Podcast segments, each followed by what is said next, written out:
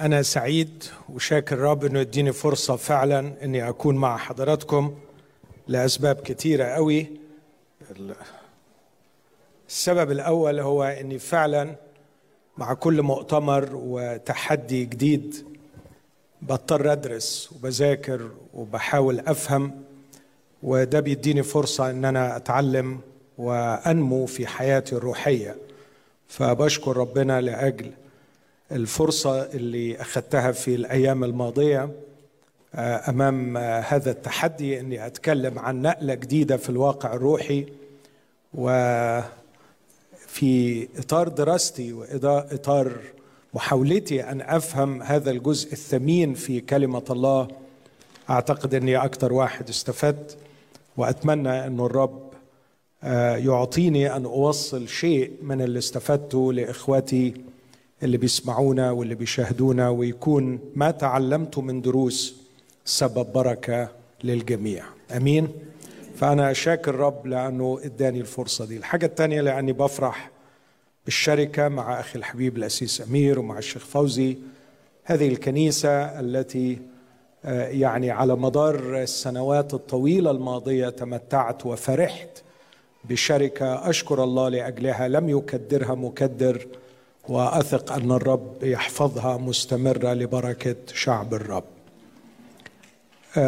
السنة دي بنعمة الرب الموضوع اللي أنا مشغول بيه هو هذا اللقاء الأخير الوداعي بين السيد المعلم وبين تلاميذه. لا شك إنه لقاء مؤثر للغاية وعميق للغاية وهو لقاء وداعي. كان الرب يسوع يودعهم. وكعادة الخطابات الوداعية أو الأحاديث الوداعية بتبقى أحاديث في غاية الأهمية.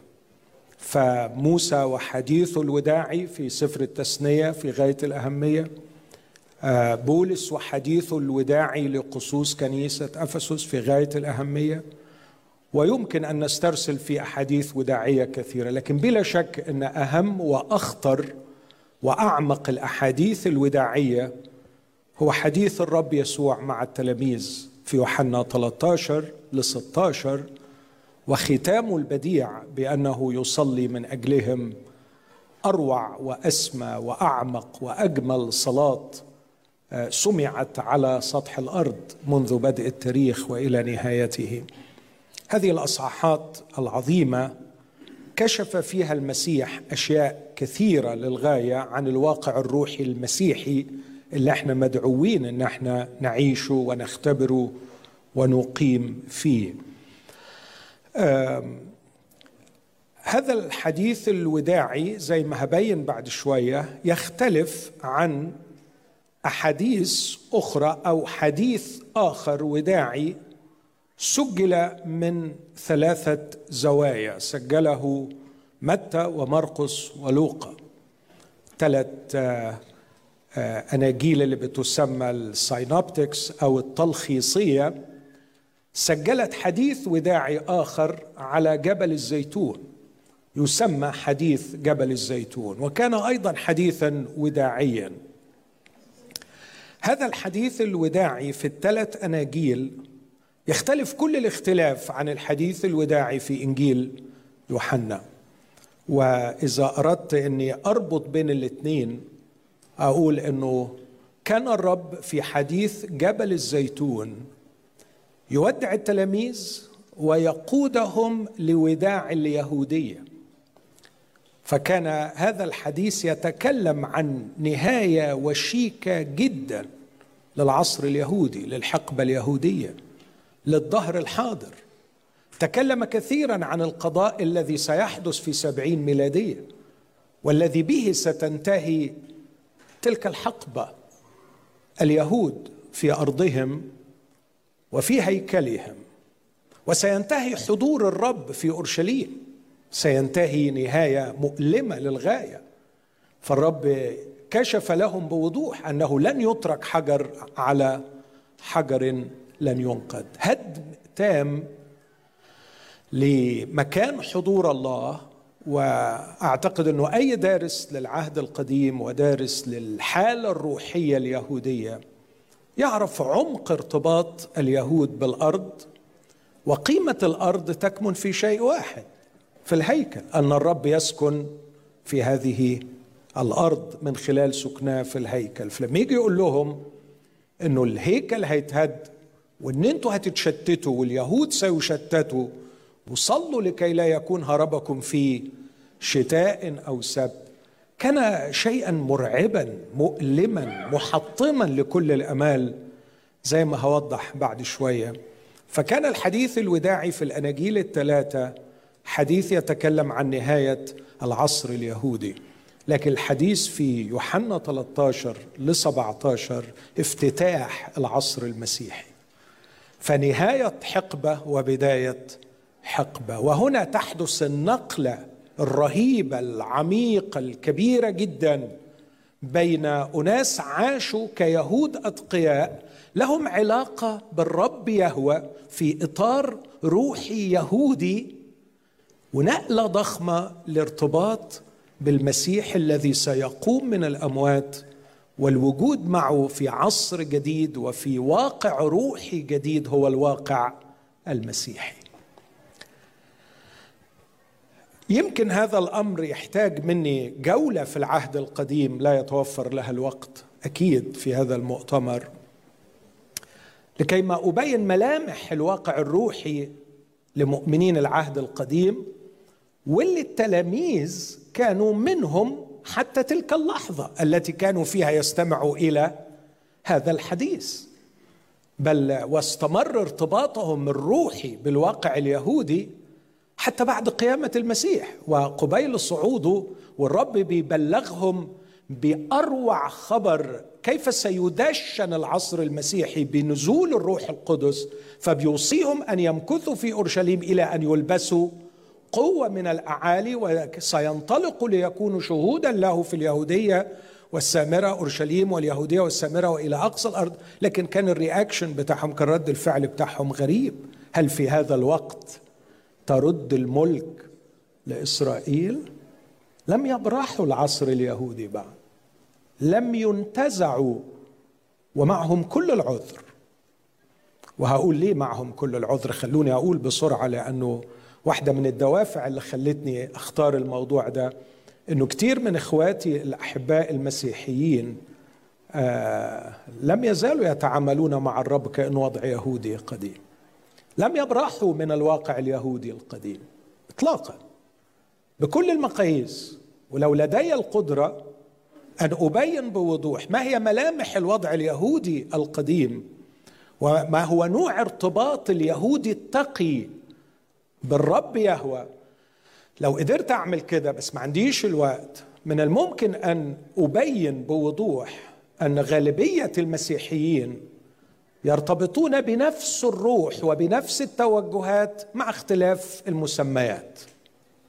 لكن للأسف الشديد نعيش في عصر مختلف ونعيش بتعاليم وعقائد مختلفة ونعيش بترمينولوجي مختلف. لكن لو قيست الخبرة الروحية الحقيقية للمسيحي أعتقد إنها لن تختلف اطلاقا عن الخبرة الروحية اليهودية.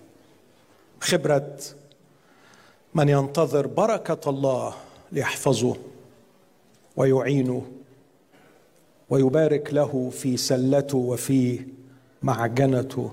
ويحفظ له صحته ويبارك له في نسله ويعطيه الزرع والضرع والأرض ويجعله مستعليا على أعدائه وينصره على القوم الوحشين اللي حواليه ويسدد كل الأمور والاحتياجات. أين هذا من في ذلك اليوم تعلمون أني أنا في أبي وأنتم في وأنا فيكم. أين هذا من الكلام؟ إليه نأتي وعنده نصنع منزلا. أين هذا من الكلام عن الروح القدس وعن الحالة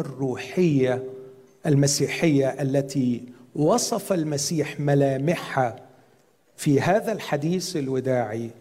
أعتقد يا إخوتي أننا بعيدين. جدا جدا جدا بسنين ضوئية. وأعتقد أن الانتقال لا يمكن أن يحدثه مؤتمر ولا مؤتمرات. لكن أصلي أن تكون هذه العظات أو الخدمات الستة مجرد يعني مش عارف أسميها إيه لكن مجرد نور يبرق لعلها تستثيرنا. لمراجعة أنفسنا وبحث حالتنا ومحاولة الخروج من الواقع الروحي المؤلم الذي نعيشه إلى واقع روحي مسيحي حقيقي وأفضل. أمين؟ النقطة الثانية اللي أحب أقولها برضو في البداية لا يتوقع مني أحد وأرجو أن لا يتوقع مني أحد أني هشرح الأصحاحات دي. الأصحاحات دي ياما عزقنا وفلحنا وحرتنا ورحنا وجينا ولا زلت أشعر أني على ضفافها. هي بحار عميقة جدا. لا يمكن أبدا أني أجرؤ أني أقول أني هشرحها. لكن سألتقط منها مجرد التقاط كما كانت رعوث تلتقط كيتيمة وفقيرة ومسكينة. مجرد التقاط من هذا الحقل الغني آه، لعله يكفي لطعامنا أو يكفي ليكون نافعا لنا ويساعدنا في اتخاذ هذه الخطوة آه، مش هقرأ النهارده من يوحنا 13 لكن هقرأ ثلاث آه، أجزاء من كلمة الله وأعتبر الخدمة دي مقدمة لهذا الحديث اللي أرجو إنه يساعدنا لفعلا اختبار نقلة روحية في الواقع أو نقلة جديدة في الواقع الروحي. الجزء الأول اللي أحب أقرأه مع حضراتكم نتيجة الإجراءات الاحترازية ما توقفوش خليكم ده اللي بيقولوا الطب. لا ما فيش داعي الطب بيقول أفضل تبقوا قاعدين لكن آه، ده مؤقتا لغاية ما تنتهي الغمة. هقرأ من إنجيل لوقا أصحاح اثنين تسبحه زكريا الكاهن ويمكن فيها آه ببعض التأمل البسيط فيها تغنيني عن جولة في العهد القديم آه، تكشف كيف يفكر اليهودي في علاقته بالله. ما هو الواقع الروحي الذي يعيشه اليهودي التقي في اسمى حالاته؟ أعتقد أن زكريا هنا وصل في لوقا واحد إلى القمة روحيا القمة روحيا. وعايزكم تتأملوا معايا في لغة هذا الرجل وهو في أسمى حالاته الروحية. تسبحة زكريا في لوقا واحد عدد سبعة وستين. وامتلأ زكريا أبوه أي أبو المعمدان من الروح القدس وتنبأ قائلا مبارك الرب إله إسرائيل لأنه افتقد وصنع فداء لشعبه. وأقام لنا قرن خلاص في بيت داود فتاة. كما تكلم بفم أنبيائه القديسين الذين هم منذ الدهر. ما هو هذا الخلاص؟ خلاص من أعدائنا ومن أيدي جميع مبغضينا ليصنع رحمة مع آبائنا ويذكر عهده المقدس. القسم. الذي حلف لإبراهيم أبينا أن يعطينا إننا بلا خوف منقذين من أيدي أعدائنا نعبده بقداسة وبر قدامه جميع أيام حياتنا. وأنت أيها الصبي نبي العلي تدعى لأنك تتقدم أمام وجه الرب لتعد طرقه لتعطي شعبه معرفة الخلاص بمغفرة خطاياهم خطاياهم بأحشاء رحمة إلهنا التي بها افتقدنا المشرق من العلاء ليضيء على الجالسين في الظلمة وظلال الموت لكي يهدي أقدامنا في طريق السلام. آمين. الجزء الثاني اللي أحب أقرأه من رسالة كورنثوس الأولى وأصحاح 13 الأصحاح العظيم اللي بيتكلم عن المحبة وبالذات الآية الأخيرة اللي معظمنا حافظها في كورنثوس الأولى 13 عدد 13 أما الآن فيثبت الإيمان والرجاء والمحبة. هذه الثلاثة ولكن أعظمهن المحبة. أعتقد هذه الآية محفوظة. أعود إلى إنجيل يوحنا واقرا بس أعداد من الأصحاح الأول. في يوحنا واحد عدد 11 أو اقرا من عدد عشرة. كان في العالم وكون العالم به ولم يعرفه العالم. إلى خاصته جاء وخاصته لم تقبله. وأما كل الذين قبلوه فأعطاهم سلطانا أن يصيروا أولاد الله. أي المؤمنون باسمه. الذين ولدوا ليس من دم ولا من مشيئة جسد ولا من مشيئة رجل بل من الله. والكلمة صار جسدا وحل بيننا. ورأينا مجده مجدا كما لوحيد من الآب مملوءا نعمة وحقا. يوحنا شهد له ونادى قائلا هذا هو الذي قلت عنه إن الذي يأتي بعدي صار قدامي لأنه كان قبلي. ومن ملئه نحن جميعا أخذنا ونعمة فوق نعمة لأن الناموس بموسى أعطي أما النعمة والحق فبيسوع المسيح صارا. الله لم يره أحد قط. الابن الوحيد الذي هو في حضن الآب هو خبر. آمين. هعلق على الثلاث أجزاء دول وبعدين أعمل تطبيق عملي في النهاية وأكتفي بالمقدمة دي للأصحاحات اللي ما أعرفش هنتكلم في 13 و14 وهنوصل ل 15 ولا لا.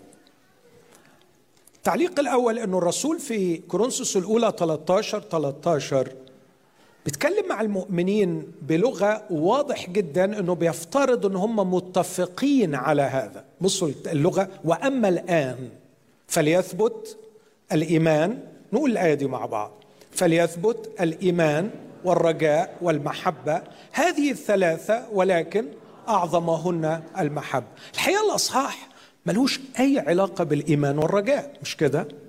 الاصح كان بيعقد مقابلة ما بين المواهب الروحية لبنيان الكنيسة وما بين المحبة. وبيقول للإخوة بلغة يعني توبيخ إلى حد ما إن أنتم مهتمين قوي بالمواهب لبنيان الكنيسة لكن الحقيقة المحبة أهم. أريكم طريقا أفضل. المواهب رائعة وجميلة لكنها تختلف تماما.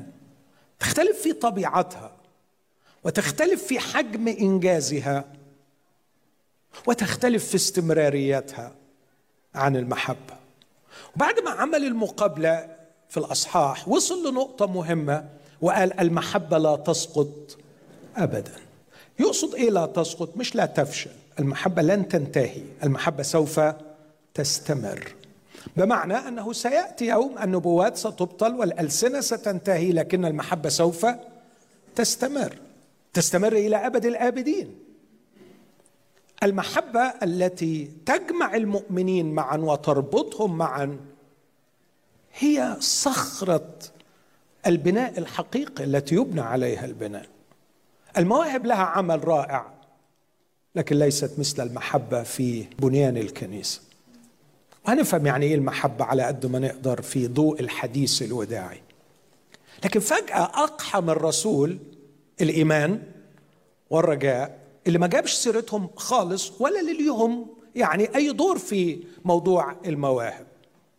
لكن الحل كما يعني يتفق شراح الشطار اللي اللي بنتعلم منهم إنه واضح إنه كان هناك بعض الترانيم بعض المقولات المشهورة الشائعة بين الكنيسة التي كانت تعتبر كقوانين إيمان يرددونها دائما. زي مثلا لو تفتكروا لما بيقول لهم صادقة هي الكلمة مستحقة كل قبول أن المسيح يسوع جاء إلى العالم ليخلص الخطاة الذين أولهم. لما يقول صادقة هي الكلمة واضح إنه كان في اتفاق بين المؤمنين على ترديد هذه العبارة. نفس الكلام لما بيقول في تيموساوس الأولى 3 16 وبالإجماع لقد أجمعنا جميعا في الكنيسة على مر عشرات السنين منذ أن قام يسوع وجاء الروح القدس أنه عظيم هو سر التقوى. الله ظهر في الجسد إلى آخر هذه الكلمة. نفس الكلام في لب اثنين. يبدو أن دي كانت ترنيمة. الذي أخلى نفسه آخذا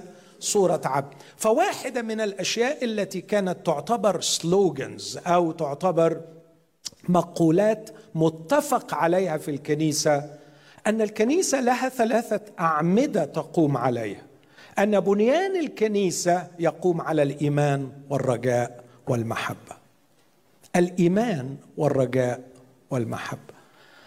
وكم يا إخوتي أشعر شخصيا بالسطحية في داخلي عندما سطحت مفهوم الإيمان وعندما سطحت مفهوم الرجاء وعندما سطحت مفهوم المحبة كم ظلمت هذه الكلمات؟ كم ظلمتها؟ كم لم أشعر بالذنب وأشعر بالخجل لأني لم أجلس طويلا أمام الرب لكي أفهم. ماذا تقصد يا رب بالإيمان؟ وماذا تقصد بالرجاء؟ وماذا تقصد بالمحبة؟ ويا إخوتي الاحباء لو تسعى لي الوقت لأحلل كيف نتعامل كمسيحيين مع هذه الكلمات الثلاثة سنجد أننا أجرمنا في حقها. وبالتالي أجرمنا في حق أنفسنا. لقد صنعنا مسيحية رخيصة لا تتناسب مع عمق ما يريده العهد الجديد منا أو لا تتناسب مع عمق حديث المسيح الوداعي في يوحنا 13 ل 17 وأعتقد إنه نقطة أساسية في هذا التسطيح المخزي والمخجل والذي انعكس على سطحية نوع الحياة التي نعيشها هو التسطيح في التعامل مع الثلاث مفردات دول. ما هو مفهومنا للإيمان؟ ما هو مفهومنا للرجاء؟ ما هو مفهومنا للمحبة؟ أتحدى إخوتي إنه في شخص مسيحي ما عندوش تعريفات لهذه الكلمات الثلاث. كلنا عندنا تعريفات لها لكن أقول اسفا وبقلب مكسور في معظم الأحوال هي تعريفات خاطئة. على سبيل المثال نرى مثلا أن الإيمان كأنه العملة التي نقدمها لله فيعطينا الخلاص. خلاص عملناها قصة كبيرة. هو الخلاص بالإيمان ولا بالأعمال؟ والحمد لله حسمنا القضية وخليناه يعني إيه بالإيمان؟ يعني في ناس بتقدم ربنا لربنا أعمال علشان تاخد الخلاص إحنا ما بنقدمش أعمال بنقدم إيمان خلاص. فايه هو الإيمان هو العملة التي نحصل بها على الخلاص. يا له من تعريف مخزي ومخجل. يا له من تعريف مضر ومدمر. إيمان؟ أحاول أفهم مع حضراتكم ما الذي يقصده المسيح بالإيمان؟ وماذا عن الرجاء؟ رجاء هنطير زي الحمام وهنروح السماء ذاتس هو ده الرجاء. أدينا عايشين في أيام سوداء لكن الحمد لله الأيام دي هتخلص. وإحنا الحمد لله في الأيام الأخيرة وخلاص وكل العلامات بانت والقصة دي عمالة تتكرر على مر ال سنة الأخيرة. كل العلامات بانت كل العلامات بانت كل شوية نقول العلامات بانت العلامات بانت. وإيه اللي هيحصل يعني؟ إن شاء الله لما هيجي المسيح هيخلص الغلب اللي إحنا فيه ده. هو ده الرجاء. بجد هو ده الرجاء المسيحي. هو ده الرجاء اللي بيبني الكنيسة. هو ده اللي بيقول ليثبت ليسكن ليستقر الرجاء عميقا بينكم. لأن الرجاء يبنيكم. لأن الرجاء هو الذي به تعيشون. الرجاء الذي من عنده هذا الرجاء به من عنده هذا الرجاء به يطهر نفسه كما هو طاهر. أعرف كثيرين أنفقوا الكثير من العمر في المشغولية بعقائد مجيء المسيح وتفصيلات هذه العقائد وغرقوا عميقا في معرفة هذه التفاصيل ولم يتطهروا من أي شر أو دنس ويعيشون حياة خربه هل هذا هو الرجاء؟ الرجاء المسيحي شيء عميق للغاية. أذكر من أكثر من عشرين سنة عملت دراسة عن الرجاء لقيت إن في 55 آية عن الرجاء في العهد الجديد خمسة منهم بيتكلموا عن مجيء المسيح. والخمسين بيتكلموا عن حاجة تانية خالص. نعم أكيد مجيء المسيح جزء من الرجاء المسيحي ورجاؤنا لن يكتمل إلا بمجيء المسيح لكن الرجاء أعمق من مجرد مجيء المسيح. ويمكن ده اللي هيخليني أحاول وأنا بلقي نظرة على يوحنا 13 ل 17 انه وأنا بركز على الإيمان والرجاء والمحبة في الثلاث اصحاحات دول أو في الحديث الوداعي هركز بصفة خاصة على الرجاء أكثر من الإيمان والمحبة. وماذا عن المحبة؟ nice feeling nice feeling إنك يعني تبقى ما تتضايقش إنك قعدت جنب فلان في الكنيسة. الحمد لله. يعني الحمد لله إنه قعدتي جت جنب فلانة مش جنب فلان نشكر ربنا ربنا طيب يعني لأنه بيقدر ويلطف يعني. حبة it's feelings يا للخزي يا للعار. إذا اختزلت المحبة إلى just social activities يعني we socialize we, we, we love each يعني we love each other يعني بنستلطف بعض نقعد مع بعض بنحب بعض. مبسوطين ببعض يعني. بس مش دي المحبة اللي بيتكلم عنها العهد الجديد. بهذا عرفنا المحبة. بهذا عرفنا المحبة أن ذاك وضع نفسه لأجلنا. لذلك ينبغي أن نضع نفوسنا لأجل الإخوة. ولا حتى مجرد تضحية المحبة. لا محبة أعمق من كده. هنشوف المحبة الرهيبة اللي بيتكلم عنها المسيح. بيتكلم عن نوع من الحب موجود في الثالوث. قبل أن يظهر في علاقة المسيح بالتلاميذ وقبل أن يطلب المسيح من التلاميذ أن يحبوا بعضهم بعضا بهذا النوع من الحب كشف لنا إن هذا النوع من الحب اصله وجوهره موجود في الثالوث لأنك أحببتني. من قبل إنشاء العالم. وأحببتهم كما واو وعايزنا إن إحنا نحب بعض. بهذا الحب الثالوثي الكائن بين الأقانيم من الأزل وإلى الابد إحنا نروح فين ونفهم إيه في الكلام ده؟ وإزاي ننقل للحته دي؟ دي المفاهيم اللي أتمنى إن ربنا يدينا نسرح فيها شوية. فهيكون قراءتي لهذا الحديث الوداعي علشان أحاول أحد نفسي أمشي في النقلة الجديدة في الواقع الروحي من جهة الإيمان والرجاء والمحبة ولا أعد إني سأطيل في الإيمان والمحبة لكن أحاول أتوقف عند الرجاء بعض الشيء. خلوني أعمل تطبيق على الواقع الروحي لشخص تقي يهودي من جهة الثلاث حاجات دول. الإيمان والرجاء والمحبة. التسبيحه التي نطق بها رجل في أسمى حالاته الروحية. لاحظوا زكريا هنا بيتكلم وزكريا بيتكلم تعني الكثير تعني إن في معجزة حصلت. فالراجل ده طالع من اختبار شفاء معجزي. لا وطالع من أو مش طالع عايش في خبرة ملء بالروح القدس. فامتلأ زكريا أبوه بالروح القدس وانفك فمه ونطق في أسمى حالاته الروحية. دور معايا في النص ده على الإيمان والرجاء والمحبة. وشوف مفهوم اليهودي وخبرته الروحية. وعلى فكرة ولا واحد من التلاميذ كان واصل حتى الربع زكريا. التلاميذ اللي كان بيكلمهم المسيح وبيودعهم يعني they are يعني far beyond زكريا في المستوى الروحي اللي هو وصل له في هذا الاختبار. فبص مثلا بيقول مبارك الرب مين الرب؟ مين الرب اللي انت بتؤمن بيه؟ ما هو إيمانك يا زكريا؟ إيماني ربطني بالرب إله إسرائيل.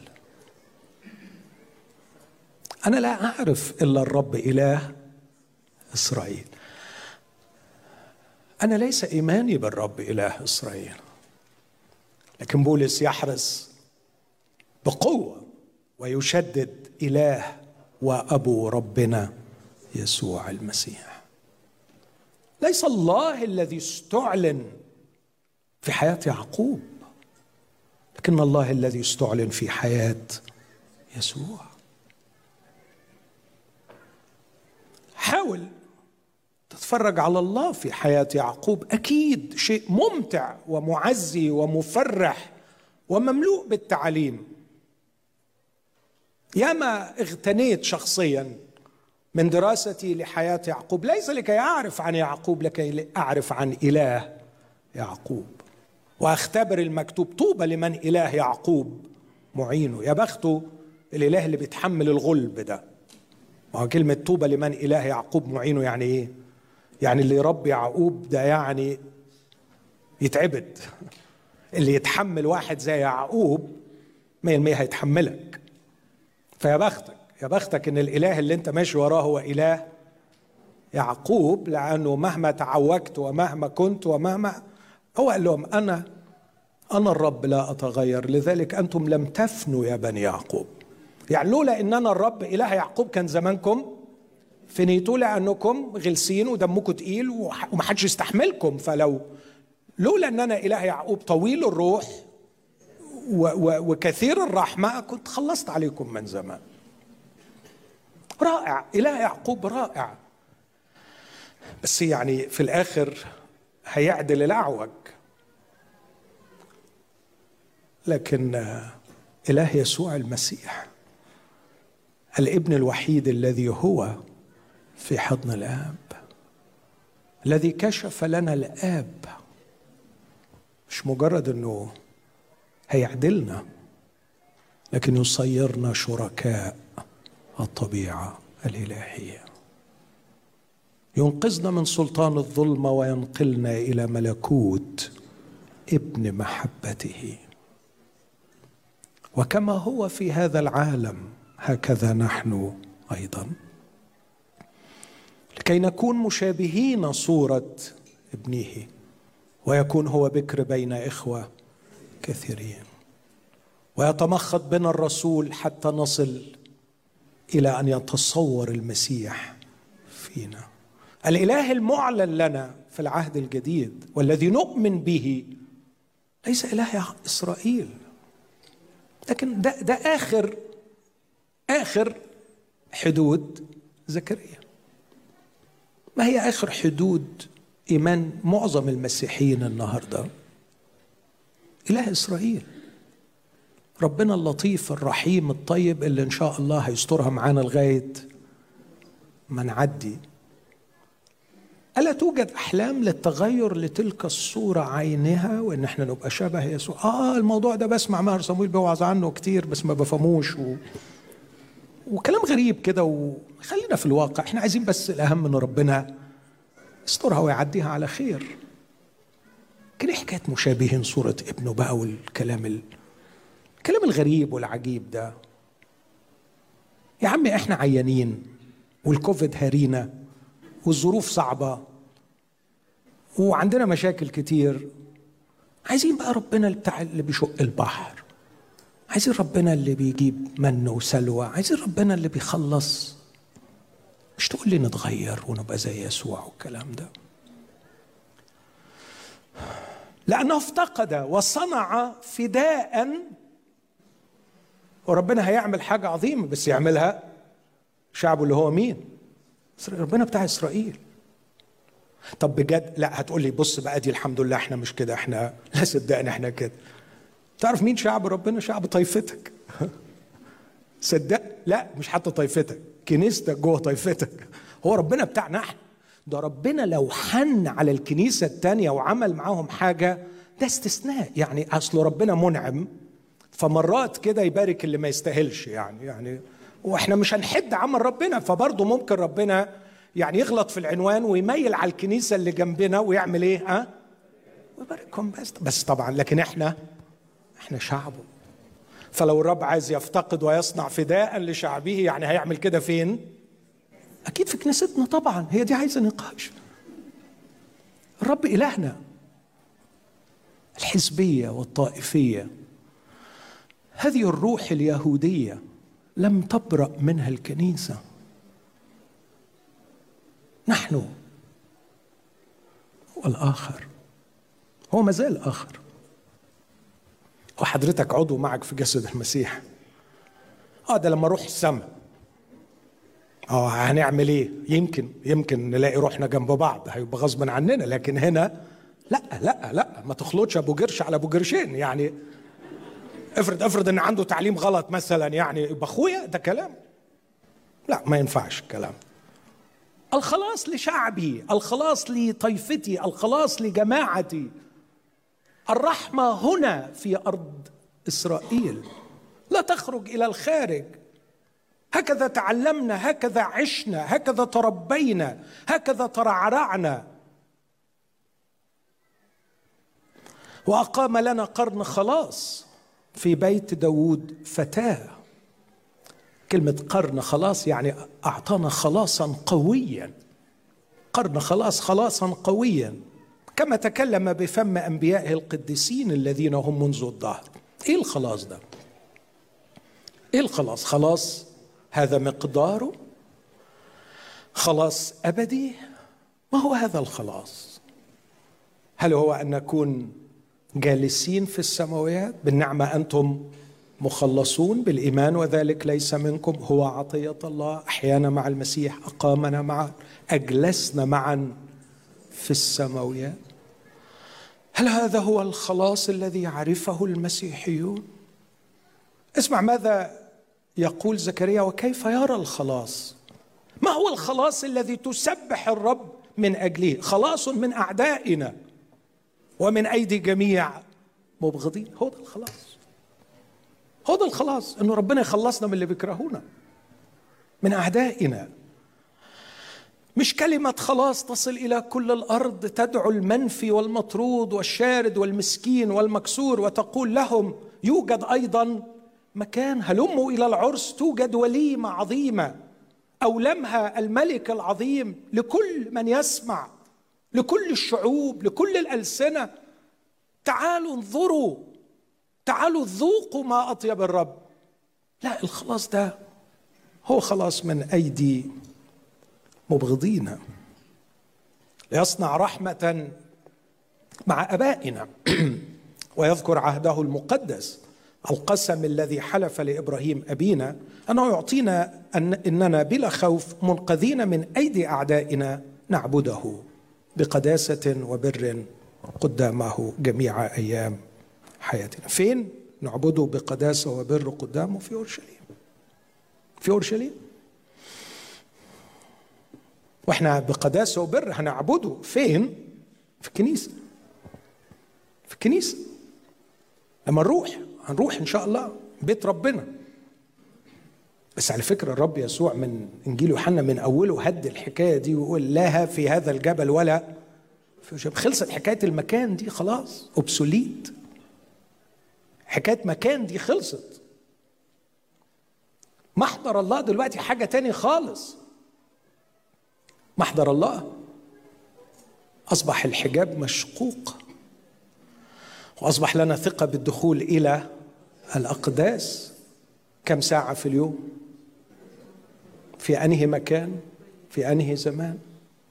فلنتقدم بثقة. العرش عرش نعمة. والباب مفتوح بل إن عرشه بلا باب. ما عادش في باب لأن الحجاب قد انشق. لنا ثقه بالدخول ولن نحتاج إلى ذبيحة أو رش ماء لأن الذبيحة قد ذبحت الحمل قد ذبح. تعالوا نعيش في محضر الله طول الوقت. يا اخويا الكلام الغريب ده. نعيش في محضر ربنا طول الوقت. إحنا بنروح الكنيسة ساعة وبنقول يا رب القسيس ما يطول. ده إحنا بنروح ساعة ويعني وبنعتبر إنه المفروض نتكافئ على كده. أدينا روحنا. عايزنا ندخل في محضر ربنا على طول. أعتقد أنه النظرة السريعة لهذا الكلام ترينا أن نوع الإيمان هو ارتباط بإله إسرائيل والعقيدة التي في ذهنه التي يبني عليها إيمانه هو إيمان بإله إسرائيل والرجاء الذي يرجوه هو أنه يعبد الرب في أرض إسرائيل وأنهم يخلصوا من جميع اعدائهم ومن جميع مبغضيهم. هذا هو اقصى رجاء يحلم به زكريا. والمحبة قاصرة بالكثير على أبائنا وشعبنا. يعني أعدائنا دول بس ربنا يبعد عننا. شرهم منقذين من أيدي جميع مبغضين. خلاص لكن المحبة محدودة. الرجاء محدود. الإيمان محدود. هذا المنهج الفكري هذا المنهج الروحي هذا الواقع الروحي الذي كان آه، متجسدا في زكريا على فكرة هو بنفسه اللي كان بيحكم التلاميذ. كان يحكم التلاميذ مش بس في مسيرتهم يوم ما قالوا له ائذن لينا نجيب نار من السماء وتعمل إيه؟ ها؟ تحرقهم لأنه دول سامريين ومش عايزينك تدخل. هو نفس المفهوم اللي خلاهم مش قادرين يستوعبوا أي حاجة من اللي المسيح بيعلنه ويكون رد الفعل هو في النهاية هل في هذا الوقت ترد الملك لإسرائيل؟ لا أقول بخجل حتى بعد نزول الروح القدس بشهور. هذا هو رد الفعل الذي حكم الكنيسة في أورشليم عندما ذهب بطرس والراجل ما عملش جريمة هو كل اللي عمله إنه دخل بيت كرنيليوس بس لما رجع فاكرين اللي حصل؟ خاصمه الإخوة. برضو شكله معاه. ما ينفعش. الخلاص هنا ولينا وحوالينا. أين المفاهيم المسيحية؟ في يوحنا 13 ل 17 مش موجودة. مش موجودة خالص. هل أحلم أنه ربنا من خلال يعني كم خدمة ينقلنا. يا إلهي ينقلنا. يعني أنا مش عايز مش عايز أعشم نفسي وأعلي سقف أمالي لكن على الأقل حتى نشتاق نشتاق إن إحنا نتنقل. عايز أقول لكم على خبر. في وضع روحي مختلف عن اللي إحنا عايشينه. يا جماعة صدقوني في حاجة غير اللي إحنا عايشينه. في حاجة تانية خالص. عالم تاني. دنيا تاني غير اللي عدنا وزدنا وغنينا وقمنا ونمنا فيه واتخانقنا فيه وتصالحنا فيه ووقعنا فيه وتوكسنا فيه ونجحنا فيه. وعمالين نلف وندور فيه. في حاجة تاني؟ في حاجة تانية قال عنها؟ أما من يشرب من الماء الذي حافظين حافظين الكلام ده. حافظينه عشان نوعظ بيه النهارده كنت بتكلم مع واحد من أساتذة اللاهوت الجمال. بناقشه في حاجة معينة في الكتاب. بعدين قال لي العبارة دي أثرت فيا. قال لي الأباء الشرقيين كانوا بيعتبروا عمل الروح القدس في المؤمن شهيق وزفير. يستنشق النعمة ويظفر المسيح. ياخد نعمة ويطلع المسيح. ياخد نعمة ياخد نعمة. قلت له واو دي بتفسر لي الماء الذي أعطيه يصير فيه ينبوع ينبع إلى من هي الحياة الأبدية؟ هو يسوع. هذا هو الإله الحق والحياة الأبدية. يعطيني عطية الروح القدس فأشرب وأشرب وأرتوي وأرتوي. ثم أفيض بالمسيح. يطلع مني المسيح. يبقى كلامي ونظراتي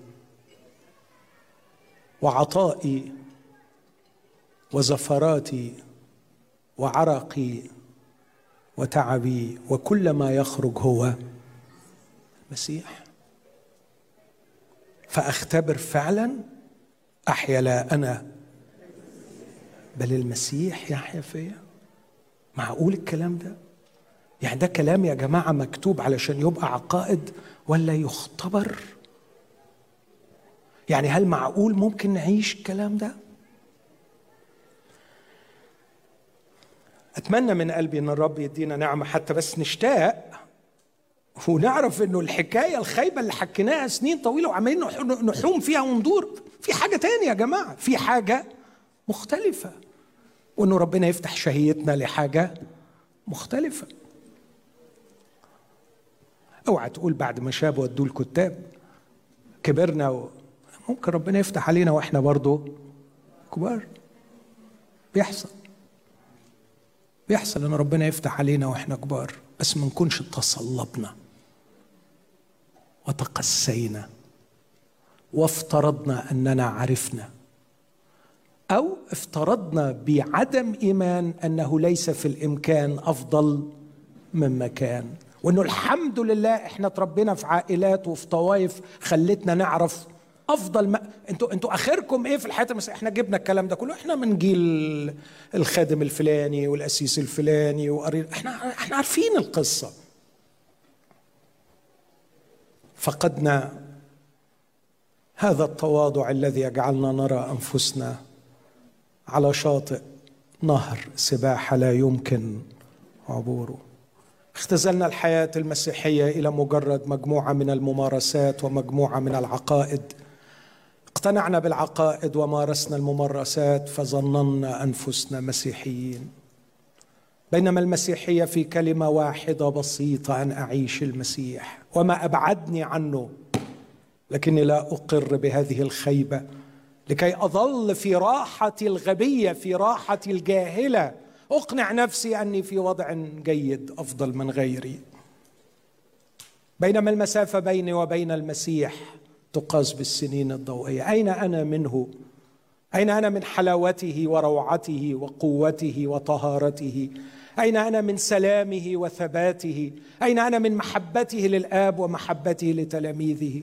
أين أنا من انحنائه وغسيل أقدام تلاميذه؟ أين أنا من شفقته واحتضانه للقريب والغريب والبعيد؟ أين أنا من دخوله بيت الأمم؟ من تركه للمرأة تحتضنه؟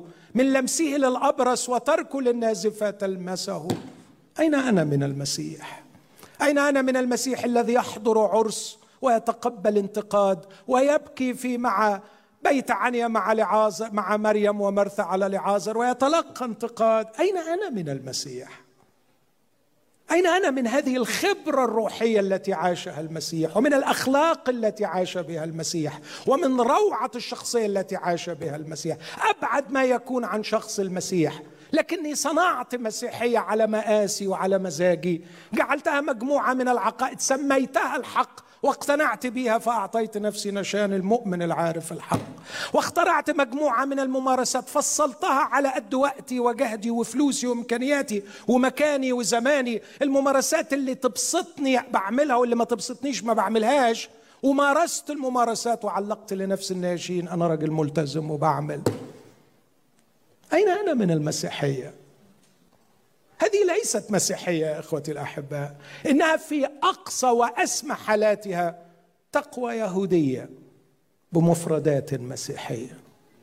على الأقل خلونا نعترف إن إحنا مش مسيحيين حقيقيين. على الأقل على الأقل خلونا نبدأ بهذا الاعتراف. أني لست مسيحي حقيقي.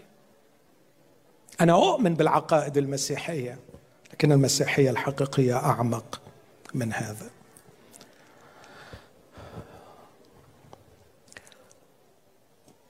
علشان نقدر نعمل النقلة دي ما بين الحالة الروحية اليهودية إلى الحالة الروحية المسيحية على الأقل محتاجين ناخد بالنا من ثلاث محاذير.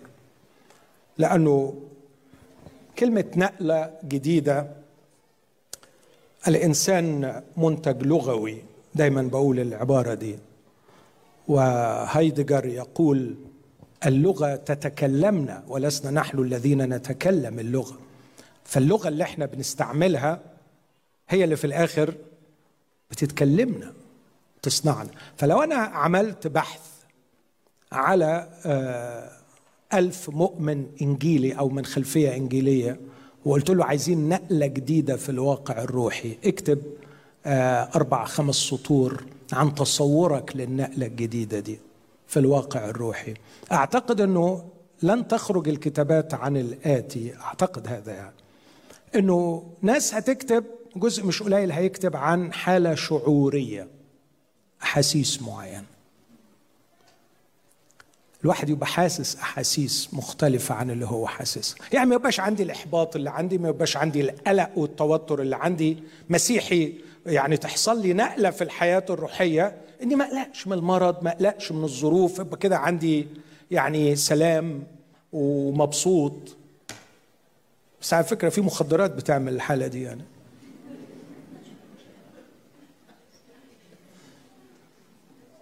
صحيح؟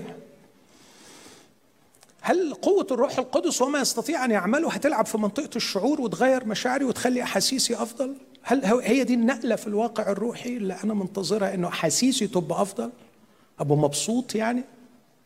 أبقى دايما مبسوط؟ وأبقى مش فارقة معايا حاجة؟ هي دي الحياة المسيحية هي دي النقلة الروحية أخشى أنه تصورنا عن النقلة الروحية أو النقلة الجديدة في الواقع الروحي أنها تكون نقلة في المشاعر أرجو أن التوقع ده ما يكونش موجود لأنه مش هنتكلم عن نقلة في المشاعر. البعض يتكلم عن ربما أو, أو هيكتب عن أن الكنيسة هتنهض وهتنجز إنجاز ما حصلش. فإنجازات. هنعمل إنجاز جديد. هنعمل إنجاز جديد. أنا أعتقد أنه كثير من الإنجازات ثبت خصوصا في الأيام الأخيرة أنها بدون أساس وأن هناك صروح كبار تنهار في لحظة لأنها بنيت وأنجزت بدون أساس. علينا يا إخوتي الأحباء أن نتحذر من قضية الإنجازات. بسمع بودكاست مؤخرا عن واحدة من أكبر الكنائس في أمريكا. كيف سقطت؟ سقوط مروع. وأتذكر من عشر سنين وأنا في شيكاغو بدرس رحت مرة كنيسة أحضر فكان القسيس بيفتخر وبيقول إن إحنا كل أسبوع بنفتح كنيسة. كل أسبوع بنفتح كنيسة. فاستغربت فعلا وانبهرت وقعدت أبحث فلقيت إنه فعلا بيفتح كنائس بنظام ال franchise. يعني it's it's business رهيب. وبعدين اكتشفت خطايا أخلاقية وانهارت وأغلقت معظم هذه الكنائس. أحيانا طبعا ساعتها آلاف بتحضر آلاف آلاف بتحضر.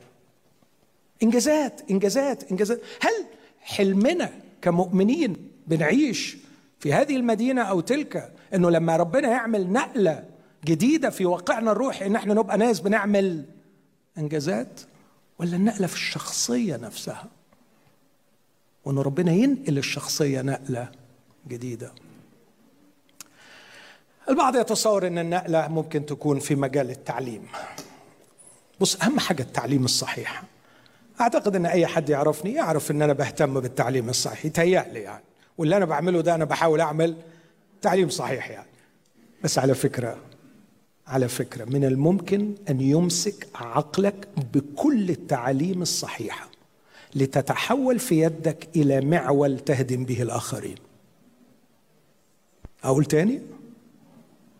من الممكن أن يمسك عقلك امساكا قويا عظيما بكل التعاليم النقية السليمة لكي تكون في يدك فقط معول مطرقة تهدم به من حولك. أعرف هذا جيدا.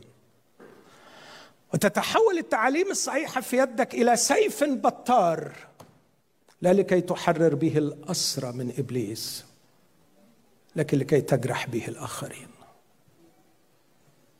مسألة مش مسألة تعاليم صحيحة لكن مين اللي مؤمن وممسك بالتعاليم الصحيحة مش مسألة تعليم صحيح. مين حضرتك اللي ماسك التعليم الصحيح؟ فأرجو أن لا نتوقع أن تكون النقلة في الواقع الروحي وأرجو أن لا تكون صلواتنا أن الرب يعمل نهضة في حياتنا أو نقلة في حياتنا أنها تكون مجرد يعني تصور عن مشاعر تغمرنا أو إنجازات ننجزها أو تعليم نؤمن بها في يوحنا 13 ل 17 مسيح بيتكلم عن نقلة مش في المشاعر ولا في الإنجازات. عارفين وهو بيتكلم عن الإنجازات؟ بطرس بيقول له بيقول له لن لن كما قلت لليهود أنا أمضي ولن تقدروا ان تتبعوا لماذا لا أقدر أن اتبعك إني مستعد أن أضع نفسي عنك. أنا أنا جدع قوي إحنا ممكن ننجز إنجازات فظيعة. إحنا أنا مو أموت علشانك. فالرب يقول له تضع نفسك عني؟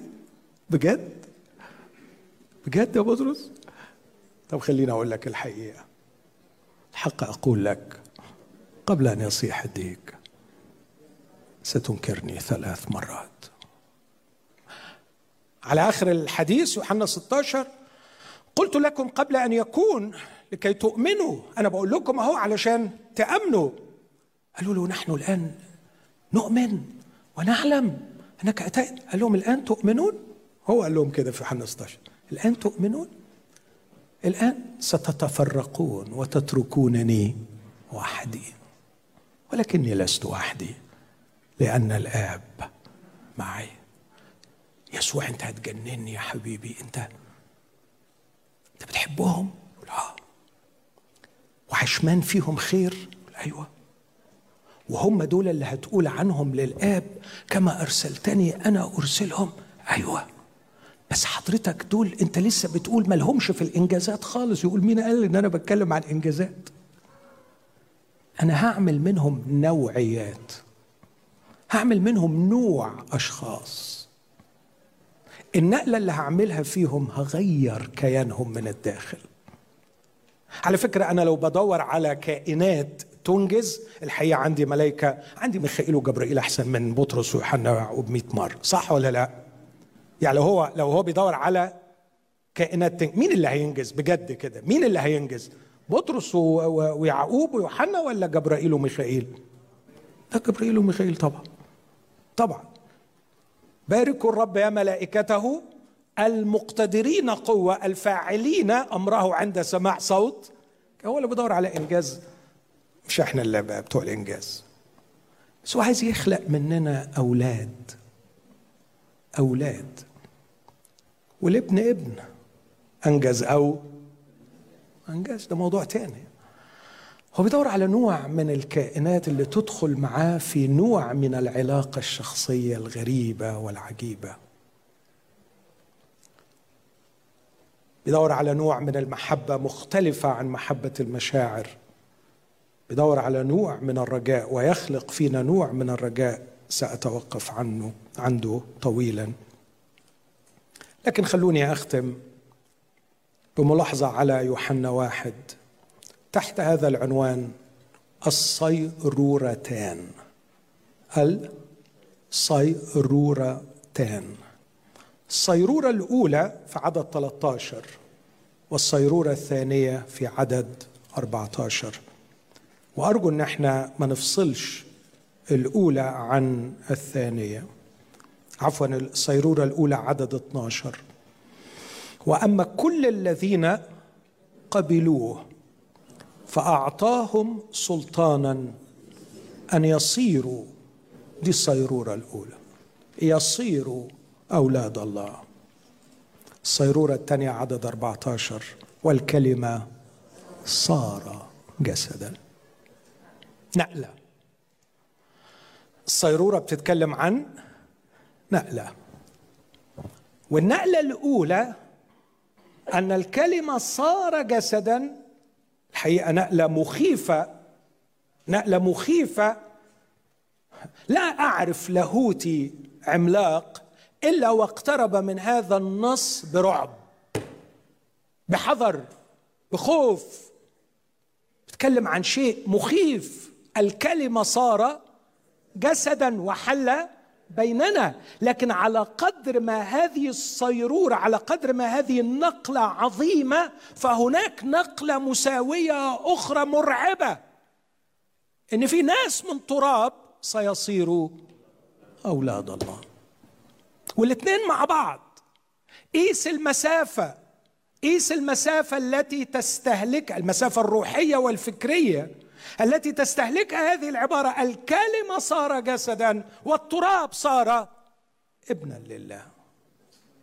دي النقلة اللي عايز يعملها. ده حجمها. ده مقاسها. من حيث العلا الذي لا يقاس إلى الأرض ومن الأرض إلى العلا الذي لا يقاس. هو صار جسدا ونحن نصير أولاد الله إيه ده؟ إيه ده؟ وهيحصل إزاي ده؟ وهيبقى شكلنا إيه لما نبقى أولاد الله هنبقى بنعيش إزاي؟ هنبقى بنحب إزاي؟ هنبقى بنفكر إزاي؟ هيبقى إيه نوع طهارتنا وقداستنا وصرامتنا ومحبتنا وحناننا؟ هيبقى شكلنا إيه كاولاد الله ليس لنا الحق أن نعطي وصفا وتعريفا من عندنا لأولاد الله. فأولاد الله ظاهرون. هكذا يقول الكتاب. ينبغي أن نعرف تعريف أولاد الله من كلمة الله وهو باختصار تعريف مختصر مشابهين صورة ابنه ليكون هو بكر بين إخوة كثيرين. متى أظهر المسيح حياتنا؟ فحياتنا هي المسيح. الكلمة صار جسدا وحل بيننا. وعندما حل بيننا رأينا رأينا مجده. رأينا مجد. الابن في بشر. رأينا مجد الابن في بشر. رأينا مجده مجدا. كما لوحيد من الآب. المونوجينس الكلمة اليونانية وحيد الجنس اللي ملوش مثيل اللي ملوش زي الابن الوحيد. هذا الابن الذي لا مثيل له رأينا مجده ورأينا مجده مملوءا نعمه وحقا. لكن الغريب جدا إنه أتى إلينا مملوءا نعمة وحقا علشان يحصل اللي بيقوله في عدد 16 ومن ملئه نحن جميعا أخذنا ونعمة فوق نعمة. دون كارسون واحد من أعظم مفسري العهد الجديد في الوقت المعاصر.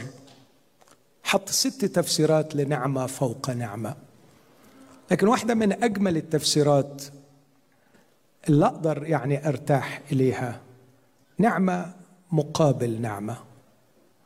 فالنعمة الأولى التي لم تخطر على بال البشر أن الكلمة يصير جسدا لكن قابلتها نعمة أخرى أن التراب يصير أولاد الله.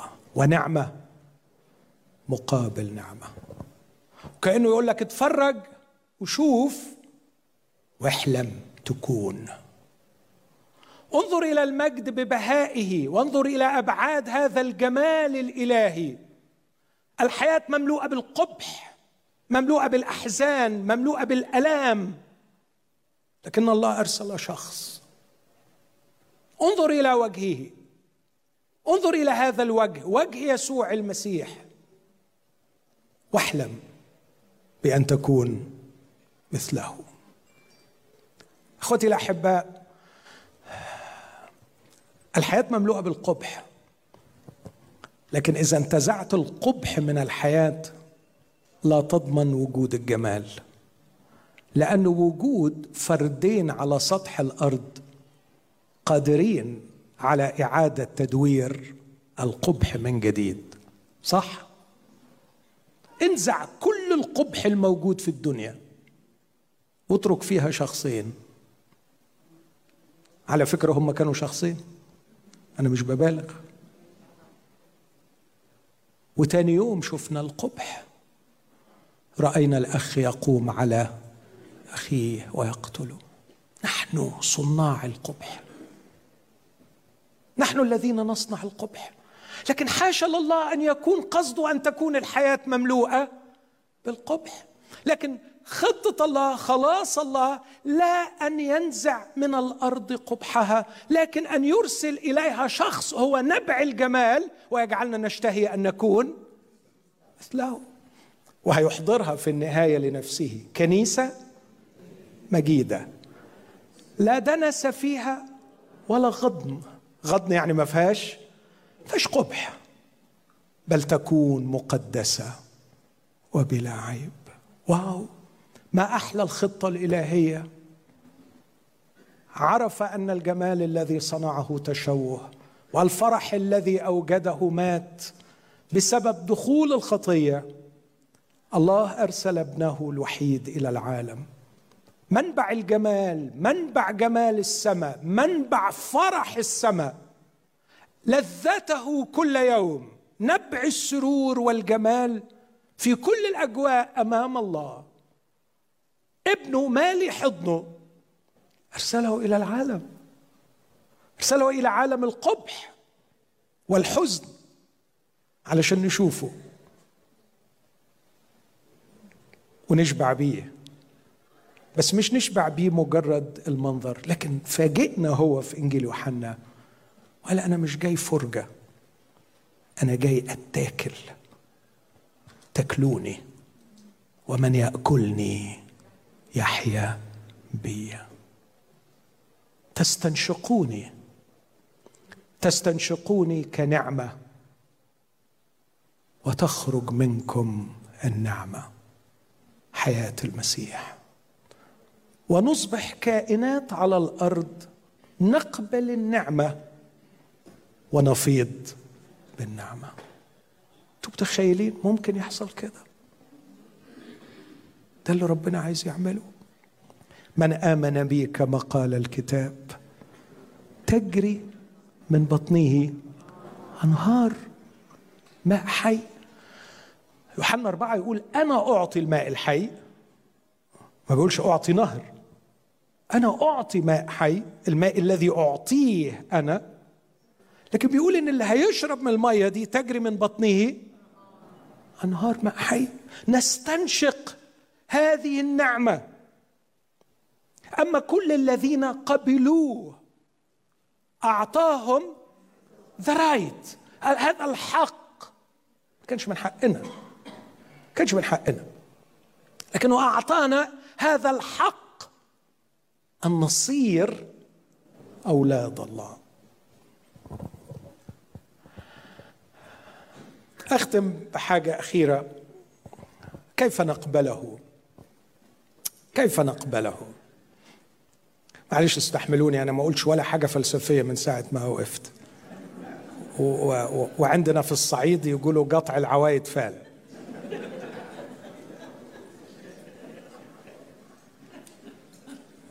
كان في المعلم الفلسفي الكبير أرسطو يتكلم عن حاجتين في الإنسان بيشتغلوا اللي هم العقل يعني. فكان في حاجة بيسميها ال nous N O U S حاجة تانية اسمها ال dianoia. وبيقول إن ال dianoia دي هي اللي بتمسك بالمعلومة. هي اللي تحلل وتستطرد وتستنتج وتتذكر. العقل اللي بتتعامل بيه مع الكتب والمناهج والعقائد. لكن ال nous هو كل كيان الإنسان. كل كيان الإنسان. عندما أقبل المسيح أنا لا اقبله بالديانويا لكني أفتح الكيان كله لكي أستقبله في داخلي. علشان كده أنا الحقيقة منبهر من قول الكتاب مش أما كل الذين اقتنعوا به. مش أما كل الذين اعتقدوا في صحة كلامه ولا حتى آمنوا. لكن أما كل الذين قبلوا. آه يا كياني المغلق. آه منك يا كياني المغلق. آه كم يحزنني أنك تحجرت وتقسيت. كم أشتاق أن أراك ذائبا مفتوحا. كم أشتاق أن أراك ضعيفا مسكينا منفتحا. تستقبل العطية. يا ترى أخبار إيدك مقفولة ولا مفتوحة؟ تحب تشحت؟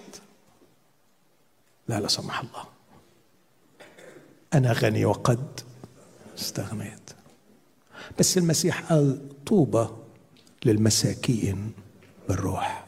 الكلمة اليوناني مساكين تخص وتخص يعني شحاتين وشحاتين من نوع معين. اليونانيين عندهم نوعين شحاتين. نوع شحات يقدر يشتغل بس ما عندوش فلوس. ما عندوش الاثنين ما عندهمش فلوس بس في يقدر يشتغل ونوع تاني ما عندوش فلوس وما يقدرش يشتغل. الكلمة اللي استعملها المسيح الثانية شحات ما عندوش وما يقدرش.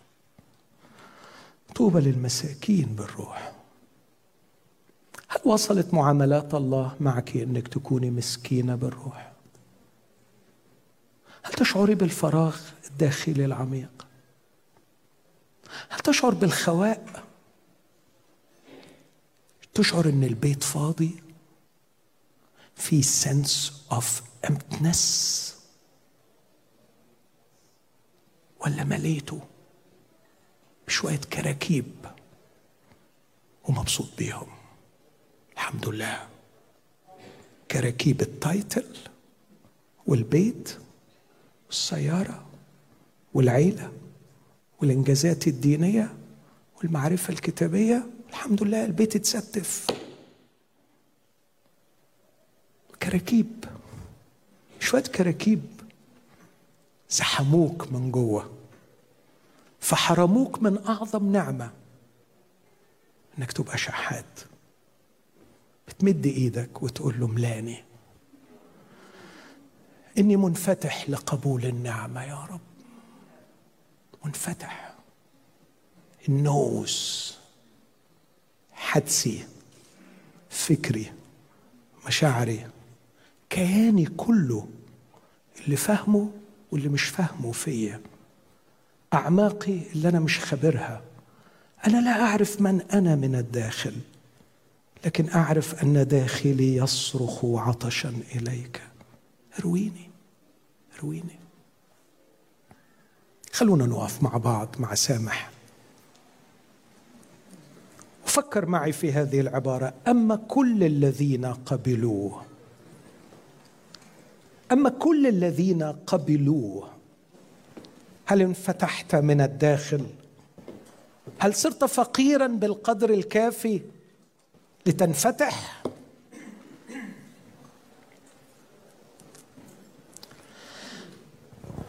فكر معي فيما الذي يحتفظ بك مغلقا أمام النعمة الإلهية المقدمة.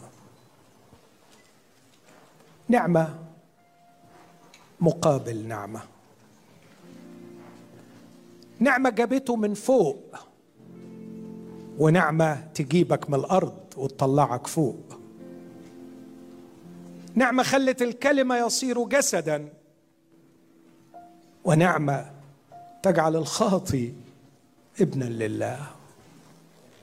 آه ما أروع النعمة. ما أروع النعمة التي لا أفهمها. أوعى تختزل النعمة إلى إنها مجرد إحسان أو عطية ببلاش لناس ما يستاهلوهاش. لا لا لا لا لا. النعمة خلاقة. النعمة تصيرني.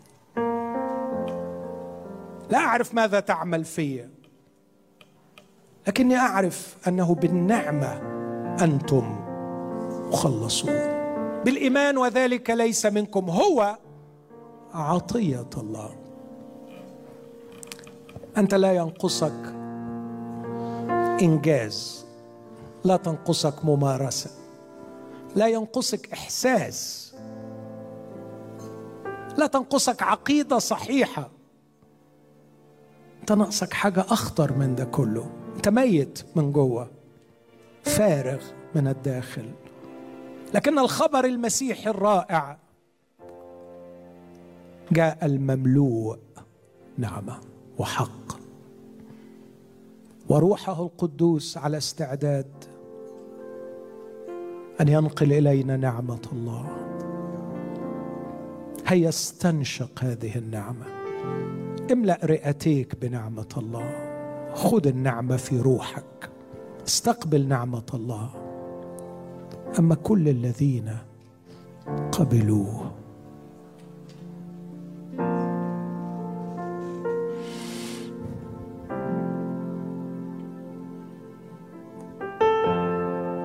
اخلع كبريائك. اخلع أفكارك القديمة التي حبست نفسك فيها. أكسر الأطر التي حبستك طويلا. عقائد وانجازات. ذكريات وتراث وميراث. ما عرفتش تطلع بيه لقدام خطوة واحدة. أرفض كل هذا. مزق الأوراق القديمة. وهيا أعطي المسيح أن يكتب صفحة جديدة. استقبل نعمة الله في هذا المساء. ونعمة مقابل نعمة.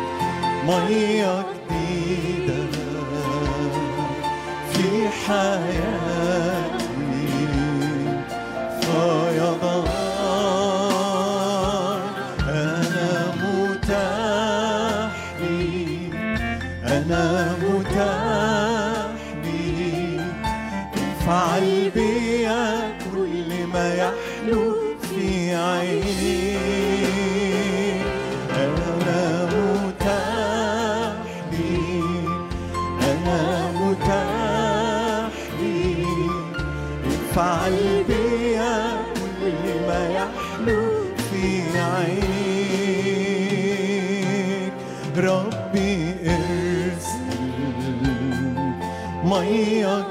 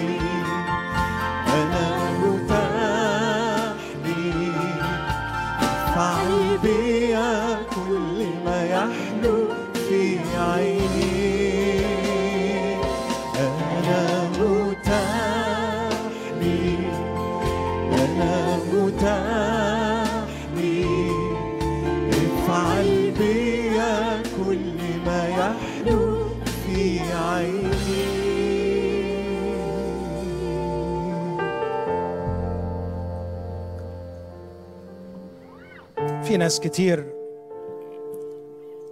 عاشوا سنين بدون تغيير لكن في لحظة معينة أشرق النور.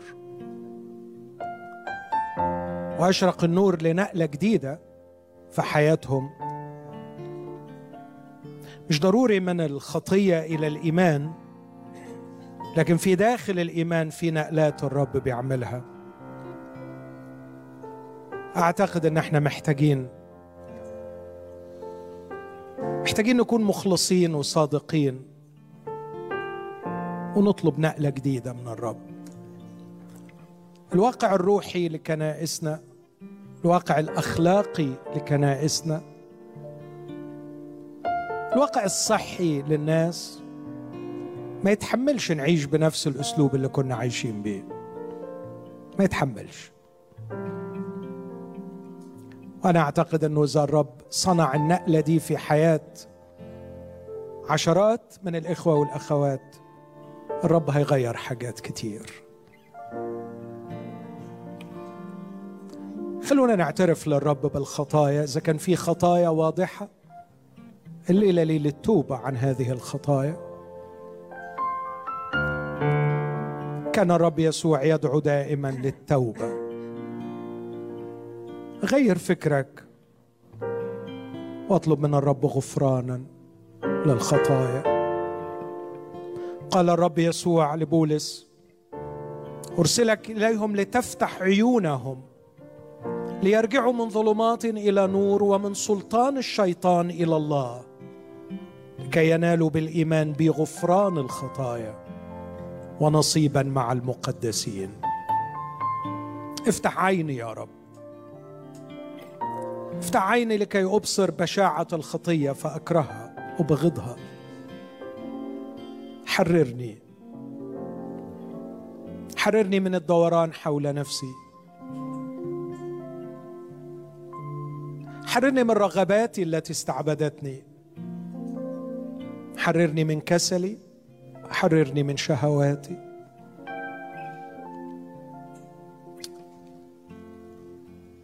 الرب يسوع يفك من الأسر يكسر القيود يرسل المنسحقين في الحرية. الرب يسوع هو القوي الذي يستطيع أن يربط من ربطك ويحررك منه. يأتي من هو أقوى منه يربطه ينزع سلاحه الكامل ينهب غنائمه. اطلبي من الرب استنارة جديدة ونقلة جديدة. لاحظوا يا أحبائي أنا لا أدعو إلى أن نصلي من أجل الظروف وتغيير الظروف لكن تغيير الإنسان تغييرنا إحنا. هذه هي رسالة المسيحية. غيرني يا رب.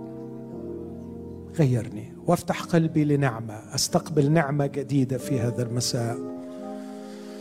تقودني إلى ظهور حياتك فيا. نعمة فوق نعمة نعمة مقابل نعمة.